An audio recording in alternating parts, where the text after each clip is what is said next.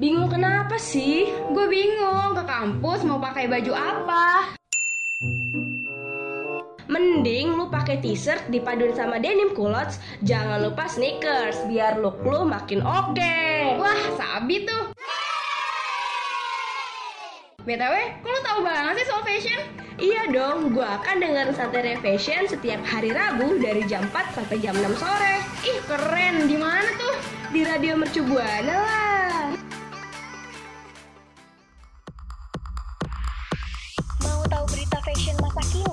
Atau tips and trick biar makin stylish?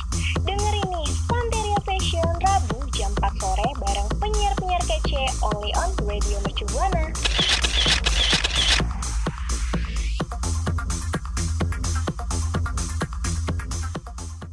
Radio Mercu Buana Station for Creative Student. Hai hai hai rekan Buana. Balik lagi nih sama gue Stefani dan partner gue Tania Di program kesayangan rekan Buana Yaitu Santria Fashion. Nah, rekan Buana, buat rekan Buana yang mau cek-cek info-info lainnya, bisa langsung aja cek di sosial media kita di Instagram, Twitter, dan juga Facebook at Radio Mercubuana dengan hashtag Santeria Fashion. Betul banget. Dan buat rekan Buana yang mau dengerin siaran dari Radio Mercu Buana Karena Radio Mercu Buana tuh banyak banget nih program-programnya Rekan Buana bisa langsung aja yuk mampir ke Spotify kita Ada di Radio Mercu Buana Radio Mercu Buana Station for Creative Studio.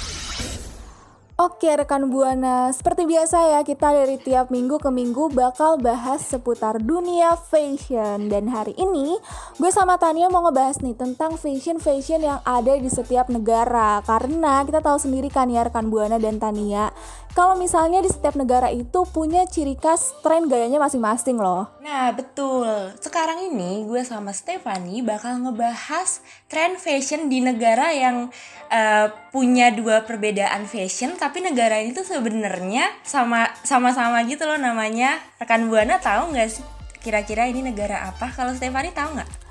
Hmm, kayaknya gue tahu nih. Kalau nggak salah nih ya, kalau nggak salah berarti bener. Namanya Korea Selatan versus Korea Utara, bener nggak? Bener banget. Ya kan. Jadi nih emang nih ya Korea Selatan sama Korea Utara tuh selalu aja ada gitu fenomena fenomena yang bikin wow gitu. Apalagi kan Korea Selatan dan Korea Utara ini tuh sama-sama kayak punya penggemar gitu ya, punya fans bahkan dari beda-beda negara juga gitu. Walaupun sama-sama letaknya di Korea, tapi dua negara ini tuh punya gaya hidup yang berbeda banget, hampir 180 derajat. Nah, selain gaya hidup yang berbeda, dua negara ini tuh juga punya style yang berbeda. Bahkan bukan cuma style, cara bicaranya pun juga berbeda loh. Stefani tahu nggak sih kalau misalnya dua negara ini tuh punya cara bicara yang berbeda? Hmm, gak tahu juga sih. Soalnya gue biasanya tuh sukanya denger yang Korea Selatan doang gitu. Tapi kalau Korea Utara kurang mengetahui banget gitu. Emang beda banget ya? Beda banget, soalnya kalau misalnya di Korea Selatan itu, mereka kan cara berbicaranya itu kayak fashionnya lah ya, santai dan juga nggak formal. Nah, kalau misalnya Korea Utara itu sama kayak fashionnya formal juga gitu. Jadi mungkin menyesuaikan kali ya fashion dan juga cara berbicaranya menyesuaikan.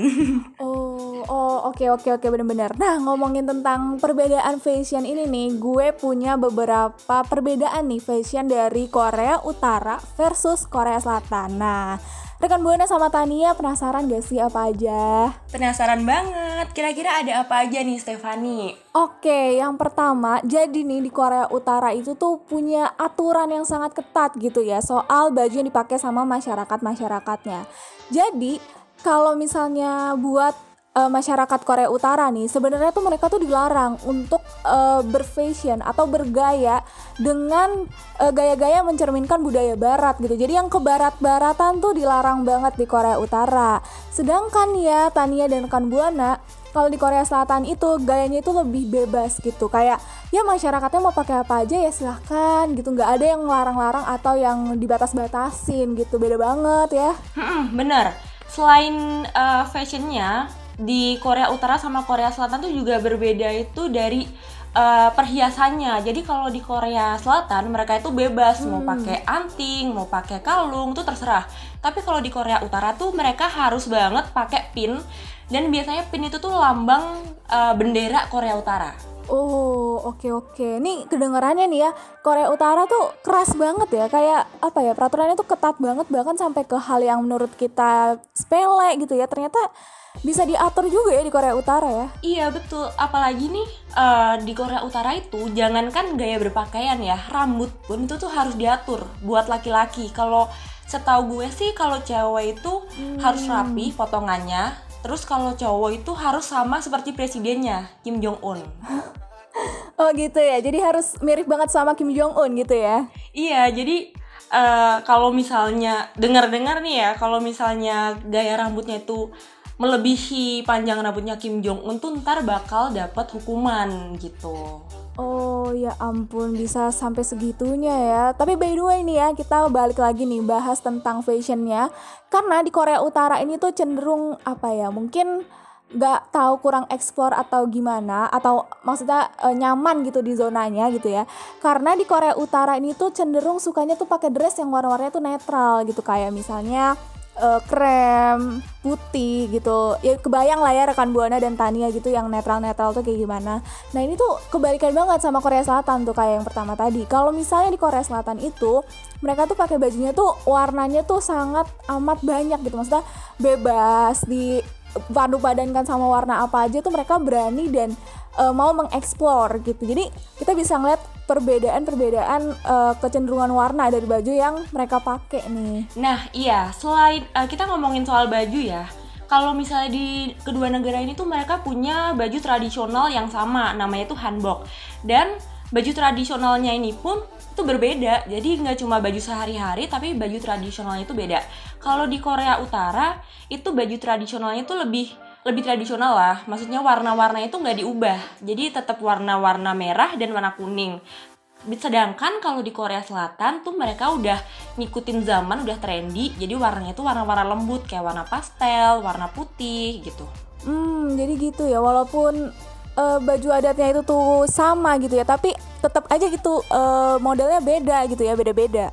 Iya, bahkan tuh kalau misalnya di Korea Utara, mereka tuh nggak boleh pakai aksesoris yang berlebihan. Mereka bener-bener harus uh, sesuai aturan lah, harus uh, tradisional dan warnanya pun ya sama seperti warna baju tradisional pada umumnya di Korea Utara. Tapi kalau di Korea Selatan tuh mereka boleh pakai aksesoris kayak uh, aksesoris rambut, bahkan boleh pakai kalung atau pakai gelang buat mempercantik diri seperti itu. Oke, berarti dari sini nih kita udah ngelihat banyak banget ya perbedaan dari cara berpakaian Korea Utara sama Korea Selatan. Ini sama aja nih nggak cuman masyarakat pada umumnya aja nih ya, tapi bahkan sampai ke artis-artisnya atau yang biasa dikenal tuh kayak girl bandnya, boy bandnya gitu. Nah, girl band dari Korea Utara ini tuh biasa tuh kalau pakai baju tuh selalu pakaian yang formal dan mereka tuh selalu senada gitu antara member yang satu ke member yang lain. Sedangkan balik lagi nih ke Korea Selatan, mereka tuh lebih pakai bajunya tuh lebih kekinian gitu, nggak formal-formal banget dan juga eh, lebih bebas gitu mau seksi mau enggak atau mau kayak gimana aja tuh bebas. Wah berarti tuh eh, sangat tertata ya, maksudnya semuanya itu ada aturannya. Kayaknya sih kalau misalnya gue tinggal di sana nih, gue gak akan betah sih. Soalnya kayak semuanya teratur banget. Sedangkan gue kan suka banget kan explore fashion-fashion baru. Kalau menurut lo sendiri nih, Tiffany, eh, lo tuh suka nggak sih kayak ngikutin fashion-fashion girl band di Korea? Oke, kalau misalnya fashion dari girl band Korea ya, gue tuh sebenarnya dulu ya dulu nih gue cerita dikit. Gue tuh waktu SD tuh masih jadi K-popers gitu. Gue masih ngikutin itu ada uh, Girls Generation ya kan, dulu tuh sangat hits. Terus abis itu ada A-Pink, dulu tuh ada FX gitu, dan masih banyak lagi. Nah sekarang semakin gue udah gede nih, udah ya udah menempuh 19 tahun, gue udah lumayan lupa nih tentang eh, dunia per K-popan gitu, terutama dari girl band girl bandnya gitu. Jadi gue sekarang kayak tahu cuman yang lagi hits hits aja nih kayak Blackpink gitu-gitu itu kan hits banget kan semua orang kayak tahu. Nah itu sih paling. Tapi kalau untuk fashionnya sendiri, jujur gue tuh suka ngeliatin fashionnya Jennie, Jennie Blackpink. Dia tuh eh, fashionnya tuh apa ya? Bisa dibilang tuh kayak anak muda banget gitu loh. Bener-bener yang merepresentasikan kalau dia tuh orangnya tuh muda. Terus dia tuh emang fashionable gitu. Jadi gue suka ngeliatin fashionnya dia dan kadang gue juga suka sih apa ngikutin kayak misalnya kalau dia pakai cardigan gitu-gitu atau pakai dia crop top gitu itu lucu banget. Makanya gue suka kayak niru-niru gitu. Kalau lo suka siapa nih kira-kira? Kalau gue tuh suka banget sama girl band Red Velvet. Sebenarnya tuh uh, girl band girl band di Korea atau boy band tuh mereka tuh fashionable semua ya. Maksudnya tuh punya uh, ciri khas atau karakteristik fashionnya sendiri-sendiri gitu. Nah, alasan gue hmm. kenapa gue suka Red Velvet, gue salah satunya tuh suka sama yang namanya uh, Wendy. Dia itu tuh stage apa ya, stylenya hmm. kayak swag tapi masih cute gitu loh jadi gue suka aja ngelihat cewek-cewek yang swag tapi masih uh, dipadu-padankan sama fashion-fashion yang lucu. Jadi masih warnanya itu warna-warna oh, cerah. Okay, oke. Wendy Wendy ya, gue tahu gitu. tuh Wendy. Gue juga tahu Red Velvet. Cuman gue nggak terlalu ngikutin mereka banget sih karena ya balik lagi yang tadi gue bilang ya, gue udah tidak mengikuti K-pop lagi. Cuman benar kata lo, emang Red Velvet itu juga salah satu uh, girl band yang sangat amat fashionable gitu ya. Dan mereka juga selain fashionable juga berbakat loh rekan buana ya. Mungkin rekan buana yang K-popers pasti tahu banget seberapa kerennya Red Velvet ini Blackpink dan lain-lain. Nah, buat rekan buana nih yang misalnya rekan buana itu punya uh, ciri khas fashion dari girl band girl band Korea yang rekan buana suka, rekan buana boleh banget share atau cerita di Twitter kita di Radio Merci Buana dengan hashtag apa? Santra Fashion. Radio Merci Buana, station for creative studio. Nah, rekan Buana balik lagi bareng gue Tania dan Stefani di Santeria Fashion. Tadi kan kita udah ngebahas nih mengenai fashion-fashion, perbedaan fashion di Korea Utara dan Korea Selatan. Bahkan kita juga udah ngebahas tentang girl bandnya juga hmm. fashion fashion di girl band terutama di Korea Selatan. Nah ngomongin soal uh, girl band dan fashion ya, selain girl band di Korea Selatan tuh sangat terkenal fashion fashionnya itu juga di drama atau drama Korea. Nah kalau lo sendiri nih Stefani, lo itu termasuk orang yang ngikutin drama Korea apa enggak sih? Nah ini nih sebenarnya alasannya tuh ya beda-beda tipis lah ya sama alasan perkipopan tadi. Jadi dulu tuh gue emang sering nonton drakor gitu lah ya kayak istilahnya aktif gitu. Misalnya lagi ngetren apa gue tonton sampai habis gitu. Cuman kan kayak ya seiring berjalannya waktu kan kayak makin sibuk gitu ya Sheila nah jadinya gue nggak ikut-ikut lagi nih nonton drama Korea. Jadi terakhir tuh gue nonton drama The World of Merit dan itu kayaknya satu tahun yang lalu ya dramanya ya. Oh iya ya gue tahu. Nah ini buat Stefani dan rekan buana nih gue mau ngasih tahu kalau uh, drama-drama di Korea Selatan itu mereka itu punya ciri khas fashionnya masing-masing. Jadi tiap drama itu biasanya itu punya uh, fashion yang bakal booming pada masanya. Jadi kalau misalnya nih drama lagi uh, tayang nih, fashionnya tuh bakal diikutin sama banyak penonton. Nah, seperti sekarang ini yang bakal gue bahas sama Stefani juga, gue bakal ngebahas drama tentang uh, perselingkuhan dan juga pernikahan. Itu sama kayak drama yang pernah lu tonton, Steph, itu yang The World of Married Couple. Nah, drama ini tuh judulnya hmm. adalah The Penthouse. Lu tahu nggak The Penthouse? Oh oke okay, The Penthouse. Ya tahu sih ya karena ini kan drama terkenal banget. Terus kalau nggak salah ini juga udah season kedua ya bener nggak sih? Iya ini udah season kedua dan udah tamat bahkan. Oh oke. Okay. Nah kali ini gue bakal ngebahas nih ya fashion-fashion di The Penthouse Yang di mana fashionnya itu menyesuaikan sama karakternya para pemeran di film Penthouse ini. Jadi gue mau cerita sedikit uh, tentang drama penthouse ini. Jadi drama penthouse ini tuh dia menceritakan tentang pertarungan kelas elit ya uh, antara keluarga yang ada di salah satu apartemen. Apartemennya itu namanya Hera Place. Nah di apartemen ini ada Gria Tawang nih Steph. Mm -hmm. Itu Gria Tawang itu di paling atas dan itu cuma ditempatin sama orang paling kaya di daerah tersebut atau di kota itu gitu. Dan kebetulan di sini orang yang paling kaya itu namanya Sim Suryon sama suaminya Jo Dante. Hmm, oke okay, oke. Okay. Jadi ini drama tentang orang kaya gitu ya, Bu ya?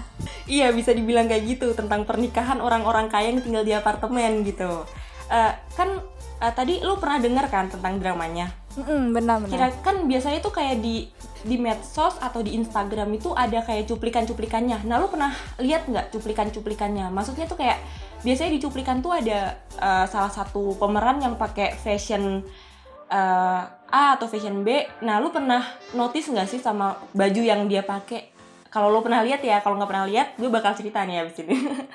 Oke, ini kalau dari sepenglihatan gue gitu ya. Jadi masalah drama penthouse ini tuh gue pernah nonton secara gratisan nih tanda kutip gratisan gue nonton di salah satu stasiun TV waktu itu lagi ditayangin tuh penthouse yang pertama nah gue nontonnya cuman kayak kalau misalnya gue lagi gabut aja gue buka tuh drama terus ntar gue main HP apa gue ngerjain tugas gitu. Jadi kayak cuman sekedar lihat-lihat doang gitu. Jadi kalau misalnya masalah fashion dari penthouse ini nih ya gue kayaknya sih notice sedikit-sedikit lah gitu. Jadi di penthouse ini tuh rata-rata nih ya pemainnya itu suka pakai gaun gitu. Pakai gaun pakai dress gitu. Apalagi yang orang tua orang tuanya. Kan ada anak kecilnya juga tuh kan ya nah tapi yang paling ikonik menurut gue sih yang orang tuanya ini loh karena mereka tuh pakainya bener-bener yang ya emang orang kaya gitu ya jadi ke mana-mana pakai dress dan dressnya itu emang yang bener-bener bagus tapi mewah gitu tapi tetap bisa juga sederhana gitu jadi keren banget sih kalau gue lihat Iya setuju.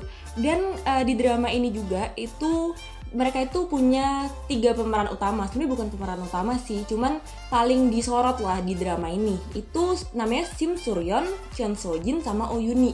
Nah, kita ini bakal ngebahas mengenai fashion fashion mereka bertiga nih, yang mana tuh uh, fashionnya itu biasanya uh, sesuai sama karakter yang mereka mainkan. Hmm, oke. Gue sama rekan Buana udah gak sabar banget nih fashion yang kayak apa sih yang mau dijelasin sama Tania. Coba dong cepetan jelasin ke kita. Oke, gue bakal ngejelasin yang pertama ada namanya Sim Suryon. Nah, ini Sim Suryon yang tadi nih Steph yang gue cerita, dia tinggal di uh, penthouse di Dia Tawang yang paling atas, dia punya suami.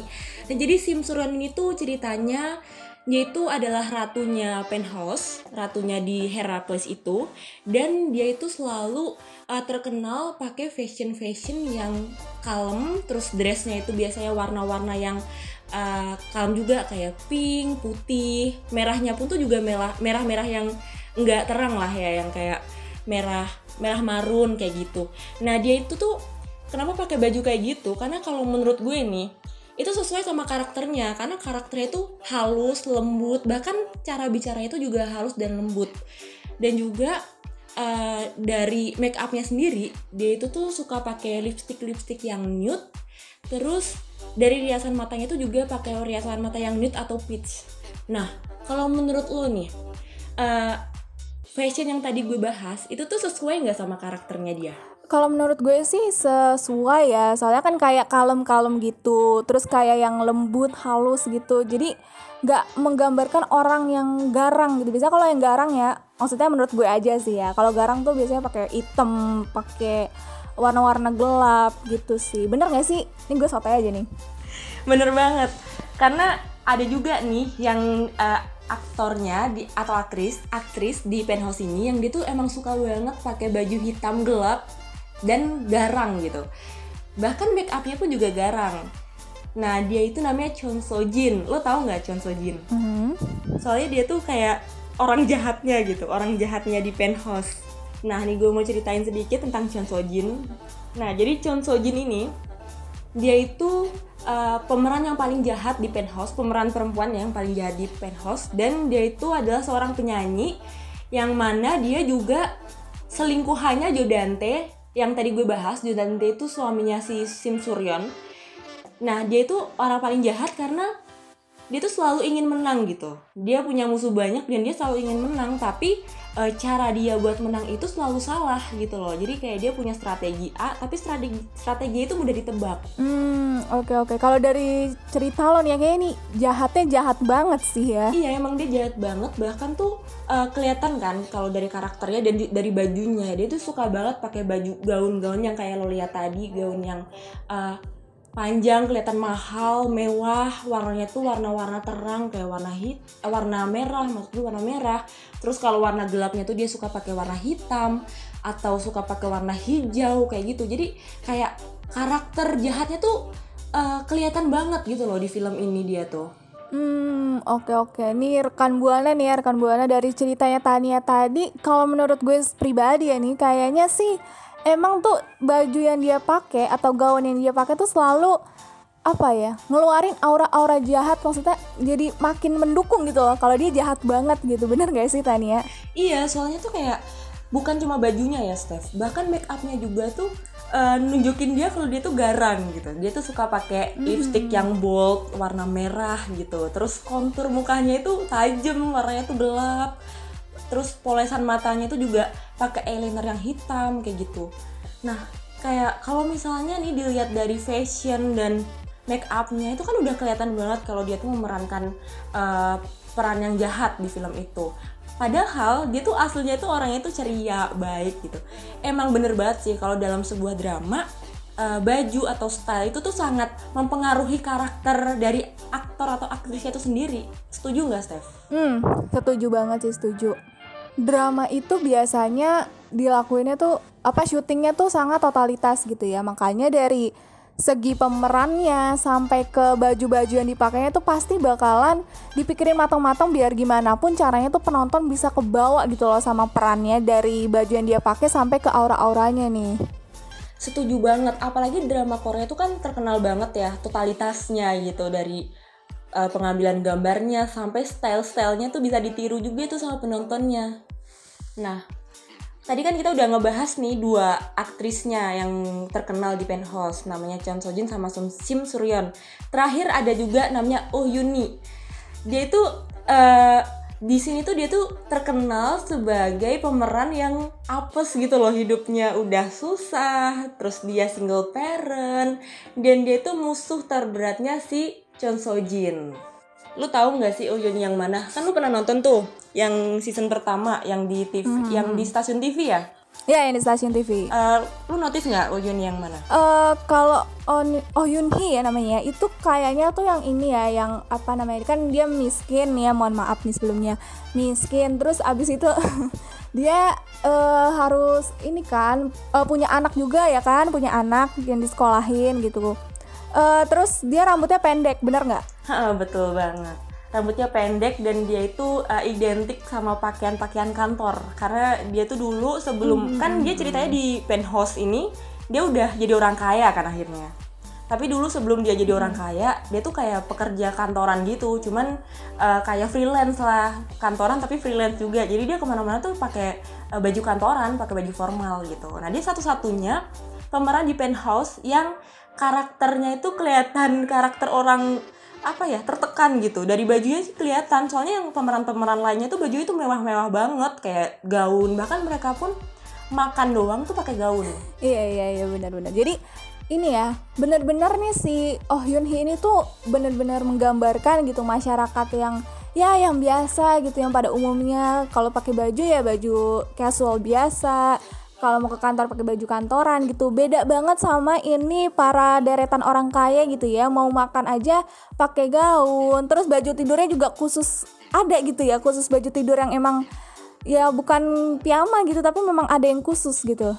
Iya dan juga si Uyun ini kan dia ceritanya itu musuh terberatnya si Chon Sojin tadi kan Steph Uh, jadi dia itu hmm. emang di sini tuh berambisi banget buat ngalahin si Chon Sojin sampai akhirnya dia bisa jadi orang kaya. Tapi ntar di film itu di akhir-akhir nih spoiler dikit ya buat yang rekan buana yang belum pernah nonton, dia emang jadi orang kaya dan stylenya tuh berubah drastis. Jadi dia nanti bakal pakai baju-baju yang seksi, terus baju-baju fancy, mewah. Tapi balik lagi ke karakternya dia, dia emang menyesuaikan banget. Jadi baju-bajunya itu sesuai sama karakter dia yang keibuan.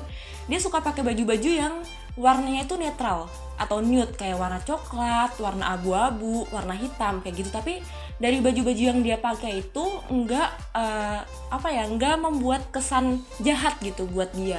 Tetap terlihat kesan keibuan dan juga wanita yang cerdas gitu. Hmm, oke okay, oke. Okay. Oke okay deh, jadi kesimpulannya nih ya dari tadi tiga peran yang udah kita bahas mengenai fashionnya di Penthouse kalau dari gue pribadi gue tuh sebenarnya ya terlepas dari karakternya gitulah ya gue paling suka tuh ngeliat si Chon Sojin ini yang jahat banget itu Kenapa? Gara-gara gue tuh suka sama emang gue tuh suka sama make up yang kelihatan garang gitu loh. Make up yang emang bikin muka kita tuh kelihatan kalau kita tuh fierce gitu. Kita tuh bener-bener mm, galak gitu. Jadi bener-bener kayak wanita-wanita yang apa sih yang independen gitu. Nah, gue suka tuh yang kayak gitu. Jadi gue kurang suka sama apa uh, fashion fashion atau uh, make up yang uh, cute cute gitu gue kurang suka. Kalau lo sendiri sukanya yang mana Tania? Kalau gue sih jujur meskipun si Chon So Jin tuh jahat, gue juga suka loh sama style dia. Soalnya tuh kelihatan apa ya? kelihatan keren aja gitu uh, di balik dia kan penyanyi nih ceritanya dia kan artis dia tuh dia tuh selalu pakai baju-baju yang menurut gue tuh paling trendy di antara pemeran-pemeran lainnya gitu. Dan lip- apa sih make upnya tuh juga bagus gitu. Di dia di muka dia tuh bagus cocok. Lipstiknya itu merah bold kayak gitu loh Steph. Gue tuh suka banget pokoknya sama Chon So Jin tuh terlepas dari karakternya yang jahat ya. Iya iya. Nah, kalau buat rekan Buana sendiri, rekan Buana tuh kira-kira pernah nonton Penthouse nggak sih? Atau uh, suka uh, karakter dari salah satu pemeran di Penthouse? Nah, buat rekan Buana yang pernah nonton Penthouse atau lagi nonton Penthouse atau suka nih salah satu pemerannya atau fashionnya bahkan rekan Buana boleh banget cerita atau sharing di Twitter kita di mana ada di Radio Mercu Buana dan jangan lupa ya rekan Buana sama hashtagnya Santria Fashion. Radio Mercu Buana Station for Creative Studio. Jansport mempersembahkan Jansport Campus Ambassador 2021. Rekan Buana aktif di sosial media. Biasa ngurusin event di kampus. Yuk daftarin diri lo untuk menjadi bagian dari Jansport Campus Ambassador 2021. Jansport Campus Ambassador adalah program yang dibentuk khusus oleh Jansport Indonesia untuk mengaktifkan anak muda melalui kegiatan positif dan menyenangkan. Dengan menjadi bagian dari Jansport Campus Ambassador, rekan Buana akan dapat mengikuti berbagai kegiatan untuk mengeksplor lebih diri lo. Selain itu, rekan Buana juga bisa mendapatkan network dan experience, produk Jansport, dan juga komisi. Menguntungkan banget kan? Pendaftarannya dibuka sampai 30 April 2021. Untuk info lebih lanjut dan cara pendaftaran, rekan Buana bisa langsung aja cek ke Instagram at jansport underscore ID atau cek di www.jansport.co.id. Jansport, always with you. So, rekan Buana, tunggu apa lagi? Yuk, daftar sekarang juga. This event supported by Radio Mercu Buana FM Station for Creative Student. Radio Mercu Buana Station for Creative Studio. Oke rekan Buana, tadi kan kita udah berkelana nih ya ke Korea Selatan dan Korea Utara untuk ngeliat atau ngebahas tentang fashion-fashion yang ada di sana. Tapi gue sama Tania udah cukup nih kayaknya untuk hari ini nemenin rekan Buana. banget padahal masih banyak banget loh sebenarnya yang dibahas dari Korea Utara dan Korea Selatan ya terutama Korea Selatan nih fashion fashion yang trendy trendy tapi kita harus undur suara nah tapi jangan sedih rekan buana kalau rekan buana mau cek cek info lainnya bisa banget langsung kunjungin sosmed kita di Instagram, Twitter dan juga Facebook at Radio Mercu Buana. Dan buat rekan Buana yang mau dengerin uh, siaran kita, rekan Buana bisa langsung cek di Spotify Radio Mercu Buana. Dan juga kalau misalnya rekan Buana mau cek info-info penting lainnya atau rekan Buana mau cari-cari tahu, rekan Buana langsung cek di web kita di @radio.mercubuana.ac.id. Yeay, kalau gitu gue Stefani pamit undur suara. Dan gue Tania pamit undur suara. See you next week. Bye. Dua jam rekan Buana dengerin Santeria Fashion. Sampai ketemu di Santeria Fashion berikutnya ya.